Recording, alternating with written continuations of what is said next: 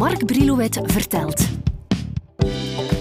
Een swingende podcastreeks over de meest iconische hits en hun al even legendarische uitvoerders.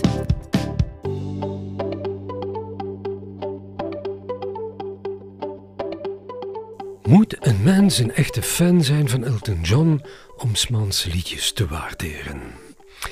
Denk het niet, want John is een songwriter pur sang die samen met Bernie Taupin een pak klassiekers bij elkaar heeft geschreven. Uh, daartoe reken ik niet meteen Crocodile Rock, want daarvoor staat het nummer te bol van de clichés. Maar het is er wel eentje dat je aanzet tot dansen en eentje om in te kaderen, want je wordt niet zomaar nummer 1 in de Amerikaanse top 100. De derde februari 73 was Elton John een gouden plaat rijker en had hij zijn allereerste nummer 1 op zak. Tijd om dat verhaal eens uit de doeken te doen. Tijdens de zomer van 73 had Elton John zich samen met zijn band teruggetrokken in de opnamestudio van de Franse componist Michel Magne. Die had het Château d'Hérouville in Frankrijk gekocht. Toen een deel daarvan in 1961 door een brand werd vernield, bouwde hij daar een studio waar onder meer Elton John graag opnam. Elton noemde het lachend Hunky Château en dat zou ook de titel worden van uh, een van zijn eerste albums, trouwens de allereerste LP die ik van hem kocht. In 1972 uh, trekt hij nog eens naar Frankrijk om daar te werken aan zijn nieuwe LP Don't Shoot Me, I'm Only the Piano Player. Ik weet nog goed dat ik die plaat grijs heb gedraaid en dat is vooral te wijten aan die ene song die me sindsdien niet meer heeft losgelaten. Daniel. Daniel is driving tonight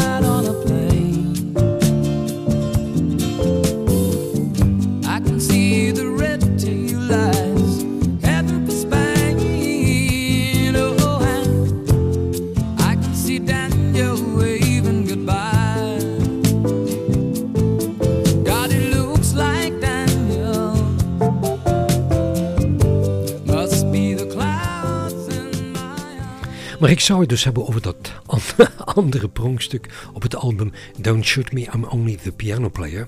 En dat is Crocodile Rock. Voor Elton zelf was en blijft het een niemendalletje, maar een liedje dat aan hem blijft kleven, zoals een stukje koppige kauwgum aan je schoen. Je kent dat wel. We moeten de sfeer toen hij dit schreef eh, juist kaderen. John was toen al een echte platenverzamelaar. Zijn huis peilde uit van de singles en de LP's. Er was ook dol op artiesten als Eddie Cochran en de Beach Boys en liedjes uit de tijd van de jukebox. Hits als Little Darling en Oh Carol.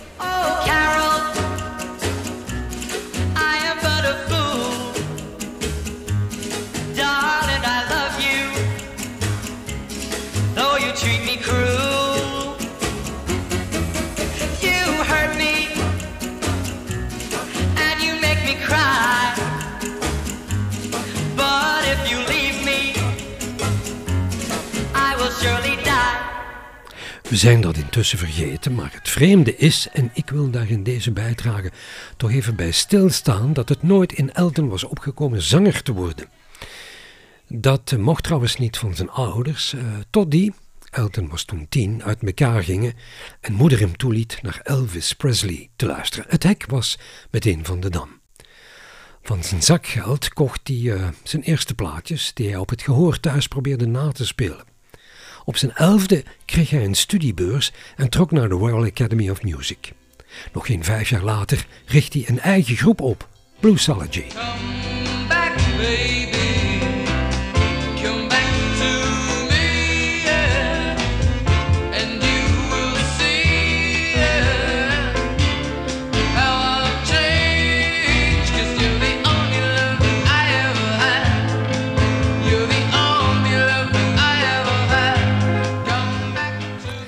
Bluesology treedt een tijdje op als begeleiders van Major Lance en wordt iets later de vaste begeleidingsband van Long John Baldry. Via een medewerker van Liberty Records geraakt Elton in contact met een jongen uit Lincolnshire, Bernie Taupin. Die kan vlot teksten schrijven en is op zoek naar iemand die ze op muziek wil zetten. Een gouden duo was daarmee geboren en nu pik ik de draad van ons verhaal weer op en kom terug bij ons uitgangspunt Crocodile Rock. De idee voor die song was eigenlijk ontstaan tijdens John's tournee in 72 in Australië. Daar stond toen weken na elkaar Eagle Rock van de Australische band Daddy Cool op nummer 1.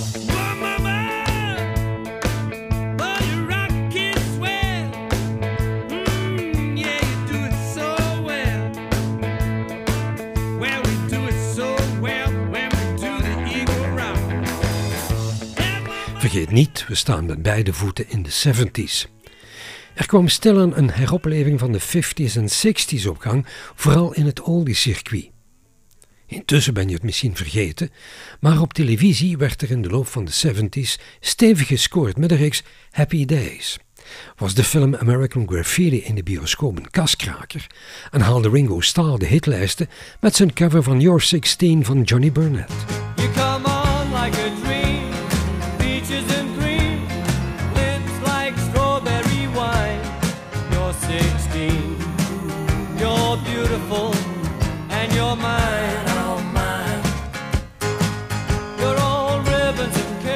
Elton John genoot anno jaren 70 nog na van wat hij in de jaren 50 had ontdekt.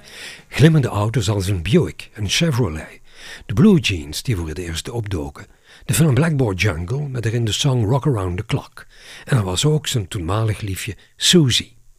Al die elementen worden door Bernie Taupin in de tekst van zijn Crocodile Rock verwerkt. Maar we zijn er nog niet. Elton wou ook die typische sfeer van die hits van toen laten klinken. Terwijl hij aan het componeren en naar de juiste toonhoogte zocht, schoot hem de falsetto-stem te binnen van Del Shannon, die ermee uitpakte op zijn monsterhit Runaway.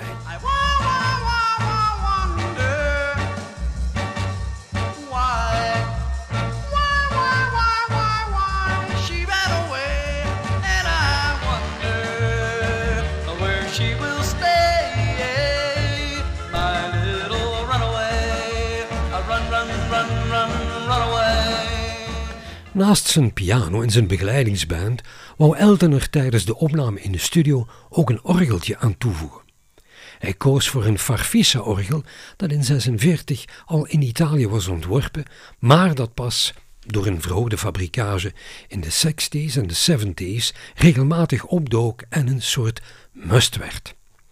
Nu was het zo dat Elton John dat orgelgeluid bewust had gekozen omdat hij er een hekel aan had. Dat onderstreept nog maar eens dat hij Crocodile Rock als een grap bedoelde. Alle ernst moest in deze aan de kant. Dat Farfisa-orgel deed hem ook meteen denken aan deze hit van Johnny and the Hurricanes.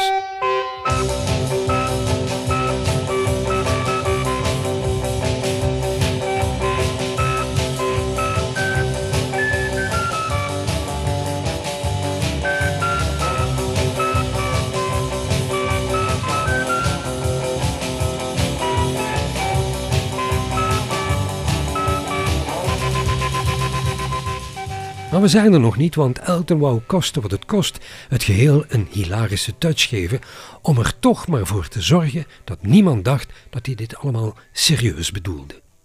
Crocodile Rock moest en zou een pastiche worden.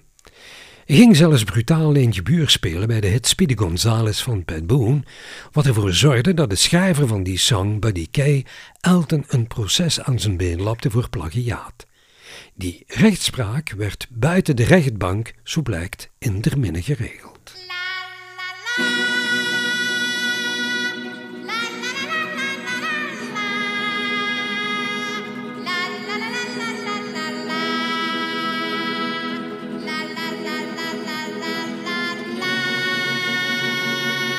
You better come home, Speedy Gonzales, away from Tannery Road. Stop all of your drinking with that bluesy name. Crocodile Rock werd geproduceerd door Gus Dudgeon.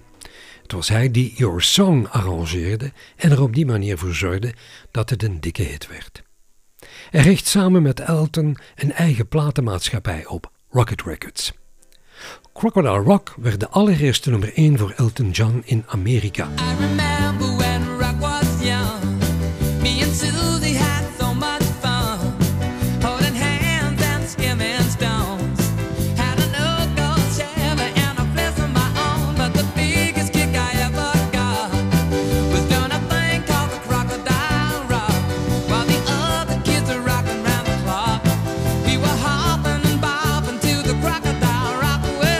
Bij ons zat er een derde plaats in de top 30 in en in Nederland moest John genoegen nemen met een twaalfde plaats in de top 40.